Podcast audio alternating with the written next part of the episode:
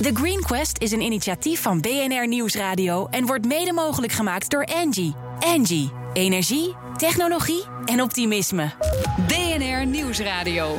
The Green Quest. Harm Edens. Hoe maken we een duurzame wereld? En welke innovaties in het bedrijfsleven dragen daar echt aan bij? Die zoeken we elke week in de meest zinvolle zoektocht van Nederland, de Green Quest.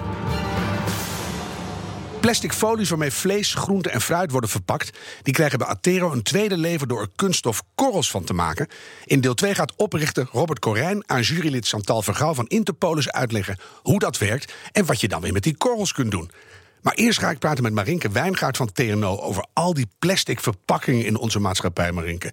Heb je wel eens geprobeerd om uh, plasticvrij boodschappen te doen? Ja, en dat is hartstikke moeilijk. En uh, iedere keer verbaas ik me weer als ik zelf mijn, uh, mijn voedsel uitpak, dat het allemaal in die prullenbak komt en dat er echt enorme hoeveelheid aan plastic weggegooid moet worden. Ik had het vorig jaar. Heel, heel vervelend. Je, je, wil het niet. En toen was ik voor, na, na, een hele lange tijd weer eens in een, in een supermarkt. En toen kwam ik in een plastic bubbel uit en heb ik mijn karretje teruggezet. Zo van, nou, geen boodschappen deze week.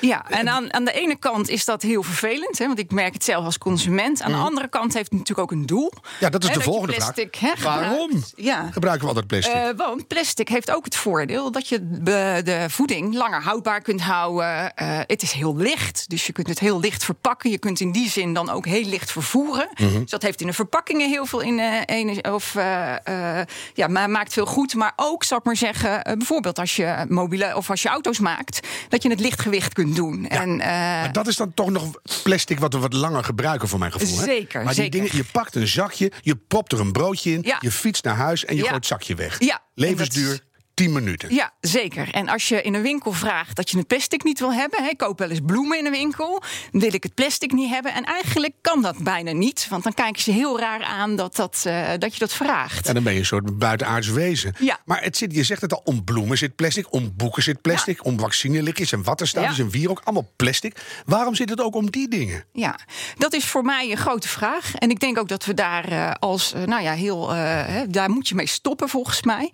Er zijn wel plastics die denk ik wel heel nuttig zijn. En daar moet je ook wat mee. En eh, bijvoorbeeld, jij hebt hier zo'n mooie chipzak liggen. Ja. En eh, in die chipzak, daar zit, eh, ja, ja, ja, even het mooie, mooie geluid erbij. En die chipzak, die is er om inderdaad het langer houdbaar te houden. Maar ook met knapperig te houden. Ja. En zo'n chipzak bestaat eigenlijk uit verschillende lagen.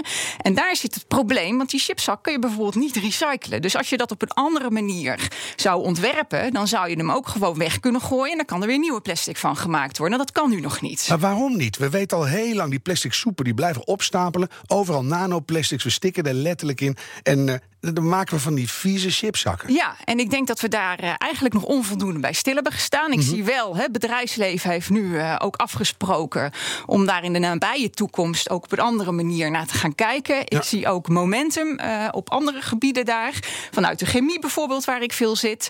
En er is echt momentum om daar op verder op door te pakken. Maar er zijn ook nog een aantal technologische oplossingen niet. Moeten we het zo over hebben? Ik wil even de kleerhangers van de Primark bij jou neergooien. Daar schijnt niemand iets mee te kunnen. De kleerhangers van de Primark, dan moet je me even helpen. Ja, dat is slecht metaal en slecht plastic. en Ah, dan wordt aan iedereen elkaar. gek. Ja. Dus, en waarom verbieden we dat niet gewoon? Ja. Inclusief die chipzakken. Ja, nou ja, verbieden is altijd lastig. Hè, want je wil, je wil daar volgens mij een, eh, een goed businessmodel onder zetten. En Nee, ik denk, zou het eh, eigenlijk gewoon willen verbieden. dat- nou ja, goed, dat is, dat is aan jou. Eh, ik denk dat het niet werkt om het te verbieden. Ik denk wel wat helpt, is dat je er, nou ja, goed, wel regelgeving op een gegeven moment op moet zetten dat bepaalde dingen niet kunnen. Mhm. Maar je ziet ook dat bedrijven het op een gegeven moment zelf niet meer willen, omdat ze daarmee, zal ik maar zeggen, ook hun duurzaam imago eh, aan het kwijtraken zijn. Maar het duurt wel lang, Marinke. Het duurt hartstikke Ik- lang. Dat, Ja. dat, dat goede imago zijn ze wat mij betreft Ja. bij al die Ja. chipsfabrikanten eigenlijk al kwijt. Ja, nou dat weet ik niet. Maar eh, volgens mij kunnen we hier eh, hè, nou, ja, over een aantal jaren absoluut een andere chipzak verwachten. Ja, eh, liefst eh, volgend eens, Hè, dus nou, volgend jaar lukt denk ik niet, want innovaties kosten wel tijd. Ja, maar we zijn al heel lang aan het wachten. Dus eh, En, nou, ja, over dus twee dat, jaar. ja. Nou gaan we even terug naar het gewone plastic. Hè? Dan koop ik een boek en dan zit daar weer zo'n folie omheen. En dan haal ik het eraf. Ik doe het in de gescheiden bak. Doe ik geloof ik al twintig jaar. Ja. Wat gebeurt er dan mee? Ja, nou, wat ermee gebeurt in Europa is dat het in Europa wordt het zelfs nog voor 30% gestort. Dat doen we gelukkig in Nederland niet meer. In Nederland storten we nog een heel klein beetje, wat heel erg lastig is. Nou, dan kan die meneer Primark. van, Hè? Nou ja, dat, die volgens mij niet. En de rest wordt verbrand. En met dat verbranden winnen we wel de warmte terug. Dus daar halen we energie in terug. Maar eigenlijk is dat verbranden ook voor de toekomst toe niet de eindoplossing. Want je wil eigenlijk er een materiaal weer van terug. Je wil de, keten sluiten. Ja. Want de- de- dat is een soort recycling. Van plastic maak je warmte. Maar dat is de allerslechtste oplossing. Ja, dat klopt. En eh, ik denk, we hebben nu wel mechanisch recyclen. Hè? Dus je knipt het in kleine stukjes, je warmt het op. En vervolgens maak je er weer een nieuwe plastic van. Dat is al mooi. Hè? Dat is ongeveer 30 procent Ja. in Europa, zoals we dat nu doen. Verwachting is, is dat dat zou moeten groeien. Dat betekent wel dat er dan ook daar nog een stuk extra ontwikkeling moet zijn. Bijvoorbeeld in dat ontwerp. Ja. En aan de andere kant krijg je En, ook eh, chemisch recycling. Dan moet je zo uitleggen. Wat is daarvoor nodig dat dat laatste zetje in dat ontwerp komt? Want we, iedereen wil het. Dus doe het nou gewoon. Ja, ik denk wat je nu ziet is dat er eh, bijvoorbeeld afvalverwerkers eh, samen gaan werken met de chemie. En, ehm, eh, en door die koppeling, door echt die circulaire ketens ook te gaan sluiten, daar, dat helpt heel erg en dat kost tijd. En wat hebben wij nou in deel 2? Een afvalverwerker. Ik verheug me er nu nog meer op. Nu zei je ook chemisch recyclen. Wat Ja. is dat precies? Ja, bij, bij het nadeel van mechanisch recyclen is dat je dat maar nou ja, een keer of zeven kunt doen en dan is de kwaliteit weg. Het- je kunt het ook niet gebruiken voor voedingsverpakking, hè, waar de voeding direct tegenaan zit. Dus dat is een nadeel. Eh, en dus zijn er andere manieren waarop je kunt doen. En chemisch recyclen staat eigenlijk voor een, nou ja, een, een, een viertal technologielijnen. Twee van die technologielijnen, daar stop je warmte in en dan krijg je of een gas eruit of een vloeistof. Wat je eigenlijk weer kunt gebruiken als een, eh, nou ja, waar je normaal je fossiele eh, grondstof voor gebruikt, je olie. Eigenlijk breng je het gewoon terug Eigenlijk tot de breng je grondstof. terug tot de hele kleine bouwsteentjes. En daarmee ga je weer nieuwe materialen maken. En dan ben je heel flexibel. koolwaterstoffen. Dat- Dat kan van alles zijn. Oh, alles. Ik, ik in maar- in polyolefines. Dat kan van alles zijn, omdat het tot hele kleine bouwsteentjes wordt Ja. afgebroken. En is dat moet- de oplossing wat jullie betreft? Want jullie zijn dat bij TNO aan het testen. Ja. Hoe dat verbeterd Ja. kan worden.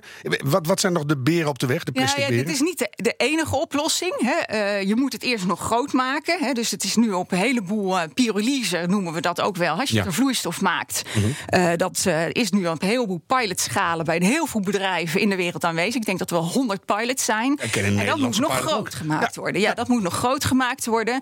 En ehm, ja, daar, daar, eh, daar moet geld in geïnvesteerd worden om het groot te maken. Maar er moet ook technologisch en, en met name ook eh, qua kosten moet het, eh, moet het nog verbeteren. En technologisch, wat missen we nog? Welke, welke radartjes eh, maken het proces nou net niet compleet? Nou, ik denk, ik denk je moet kijken. We hebben heel veel van die technologieën gebruikt voor biomassa in het verleden. Ja, een plastic is toch wat anders dan de biomassa. Die ga je op een andere manier terugwinnen. Daar zit een andere optimalisatie in. Eh, eh, en daar moet je gewoon onderzoek naar doen. Dat Maar is duurt dat zich- lang? Want we hebben eigenlijk best veel haast. hè? Nou, ik denk dat die gasificatie en die pyrolyse, dat is kortere termijn. Wij noemen dat wel TRL-level, dus dat is hoe hoog het kennisniveau is. En dat is al heel hoog. Dus ik denk als je daar flink in investeert, dat je over een aantal jaren daar grote plans kunt hebben staan. we zijn er bijna. Ja, daar principe. zijn we bijna. Maar we hebben daar eh, natuurlijk, dat is voor de grote dingen. We hebben ook nog andere soorten chemische recycling. En dan kun je veel, zal ik maar zeggen, dichter bij je kunststof blijven. Dus wat je dan doet, is bijvoorbeeld een laptop of een telefoon of een elektronische koelkast of eh, elektronisch materiaal. Dat los je eigenlijk op, bijvoorbeeld. Of je, eh, en dan maak je eigenlijk weer een soort kunststofmoleculen bij. En dan kan je daar het is- gewoon weer opnieuw en gebruiken. dan kun je het opnieuw gebruiken. Zijn de kleurstoffen eruit, zijn de brandvertragers eruit en kun je het weer gebruiken. Dat moet het staat worden. nog wat meer in de kinderschoenen, maar heeft wel minder eh, bijvoorbeeld energie nodig. Schiet En, een beetje op, Marinka. Is het nou ook eh, handig om met, met al die producenten in Nederland af te spreken... dat we naar wat minder soorten plastic gaan? We, we doen er gewoon één om het eten te verpakken... één voor de koelkast, één voor... nou, klaar. Ja. Op zich zou minder kunststoffen helpen, denk ik. Maar alleen in Nederland afspreken is niet werkbaar. Want al die industrie is volledig internationaal. En doe het met de rest van de wereld eh, ook. Met de rest van de wereld zou dat kunnen. Dan is wel de vraag welke. Ja. Hè? Want je wil natuurlijk ook je functionaliteit hebben. Hè? Want iedereen zegt altijd van ja, waarom hebben we plastics? Maar iedereen heeft wel een mobiel, heeft een, eh, een laptop. Waar, die die ook, zou ik maar zeggen, van net een mooi plastic gemaakt wil hebben. Als jij een auto hebt en je bumper, daar zitten stupjes op. Dat, dat zijn we ook nog niet gewend. Ja, dus maar de consument moet mee meegenomen Ja, maar worden. dat is een beetje oud denken, denk ik ook. Ja. Hè? Als we zeggen, nou, je hebt een super lelijke auto, maar hij is volledig groen. Ik zou hem onmiddellijk kopen. Kan mij het schelen Ja. hoe die eruit ziet. Ja, ik Dus, denk eh, dat dat gaat veranderen. dat in ieder geval voor een deel vinden. van ons. Maar voor een deel van ons gaat het ook denk ik nog niet veranderen. Ja, maar daar kan je Dus meteen naar wijzen. Planeetverwoesters, kan je dan zeggen. Dat. Die doen niet mee. Nou krijgen we zo meteen eh, meneer Atero, om het maar even zo te zeggen. En eh, die zijn nog steeds ook bezig met afvalverwerkingscentrales... en Ja. ook oude manieren van recycling. klopt. Moeten die zich een beetje zorgen gaan maken? Nou, ik denk dat eh, voor de afvalverbranding, dat gaat op termijn nu nog niet. Hè, want we zijn er nog niet. Dus we hebben dat nog heel hard nodig om het op de meest duurzame weg te doen. Mhm. Eh, maar op termijn zullen daar minder afvalverwerkingsinstallaties, mijn zinziens, zijn. Ja. En daar moeten we wel naar gaan kijken. Want een circulaire economie heeft winners. Hè, want ja, je hebt ook nieuwe businessmodellen met nieuwe partijen, nieuwe businesses die gaan ontstaan.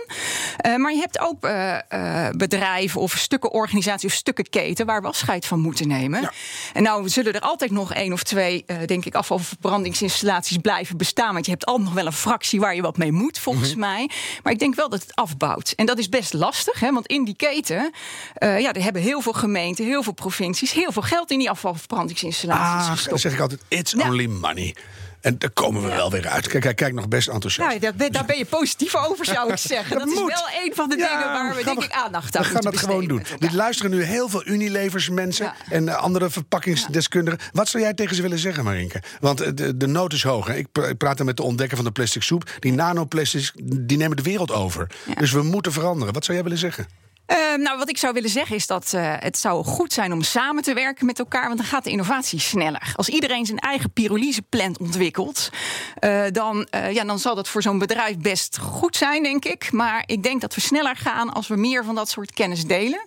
En we gaan in ieder geval ook op Brightside, dat is op de Gemmelot Campus, gaan wij in ieder geval zelf ook een, een pilotinstallatie voorbereiden.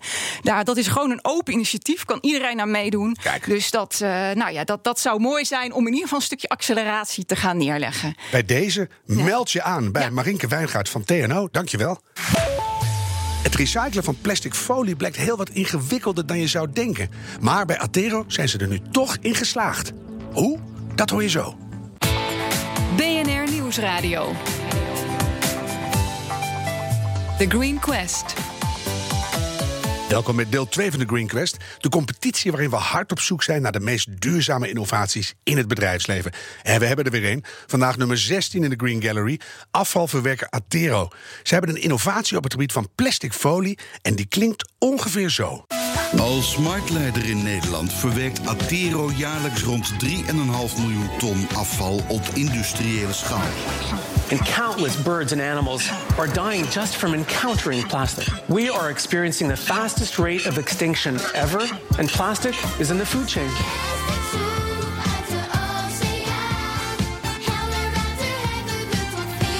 Atero Plus. Wij produceren hieruit duurzame energie en winnen er maximaal grondstoffen uit terug.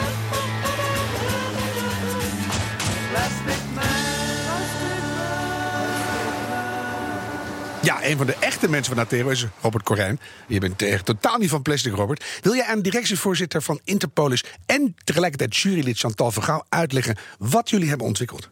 Ja, we hebben een eh polymerend recyclingplant gebouwd. Dat is een heel duur woord voor een fabriek die zeg maar plastic folie wat we bij huishoudens gebruiken, weer eh, helemaal recycled tot nieuwe kunststofkorrels waar we nieuwe plastic producten van gemaakt kunnen worden.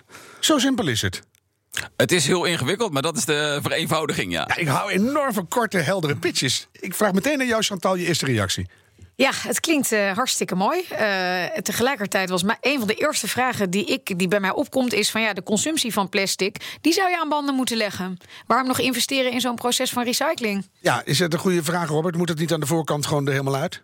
Nou, ik denk dat eh, plastic is een heel goed product met heel veel nut. Alleen moeten we het niet op straat gooien. En niet in de oceaan gooien. Dus het moet gewoon, zolang je plastic inzamelt en recycelt... is het een heel nuttig product... waar we ook heel veel juist CO2 mee kunnen besparen bijvoorbeeld. Hè? Omdat voedsel dat we wat minder weggooien, et cetera. Zit natuurlijk ook allemaal in uitgewerkt, uh, uitgeprocedeerd voedsel... zit ook heel veel CO2 verpakt. Dus um, had je nog meer vragen, Chantal? Anders heb ik er wel een. Ja, ik was ook nog wel nieuwsgierig uh, toen ik uh, de case las. Hè, dus dat was op papier, daarom ben ik ben blij om, uh, om hier te zijn. Maar wat zijn nu echt de harde besparingen in termen van CO2? En wat is nou eigenlijk de reductie van die plastic soep? Ja, Robert, makkelijk vraagje voor jou. Ja, nou in ieder geval het feit dat we dus nu eh, 24.000 ton plastic folie recyclen... voegen we zeg maar 10% van de plastic recyclingcapaciteit in Nederland toe. Dus dat is in ieder geval een flinke groei. Dus we kunnen 24.000 ton extra recyclen in, eh, in Nederland. Even voor En- mij, hè. Het was natuurlijk ook eigenlijk bezopen dat je jarenlang... Ik, ik za- zamel al twintig jaar gescheiden plastic in... en het werd aan het eind gewoon weer bij de grote bergen gesodemieterd. Nou, dat is eh, nooit zo. En dus wat dat betreft werd het altijd al... deed iedereen heel goed zijn best om het goed te sorteren en goed te recyclen. Zeker het huishoudelijk Ja, dat verpakkingsafval. allemaal verbrand. Nee, wordt niet verbrand. Wordt dus zoveel mogelijk gerecycled. Dus het is absoluut nuttig om dat aan mee te blijven doen. Natuurlijk is niet alles recyclebaar. En we zien ook wel dat nu bij huishoudens ook er steeds meer vervuiling in dat PMD-afval komt. Ja. Waar we vroeger maar 10% vervuiling hadden, hebben we nu sommige gemeenten met, eh, met 35% vervuiling. Ja, dus het gaat de goede kant op uiteindelijk. dus niet. Ja, maar met jouw nieuwe fabriek wel. en daarom is hij er. Nou werken jullie al 90 jaar lang in die afvalverwerking. Wanneer kwam dit idee langs? Dat je ineens dacht, hé, hey, we moeten dat folie aanpakken. Nou, we zijn eigenlijk al eh, in 1980 hebben we de eerste scheidingsinstallatie om plastic uit huisveld te halen hebben we al gebouwd. Eh, dus toen zijn we eigenlijk al de eerste stapjes gemaakt.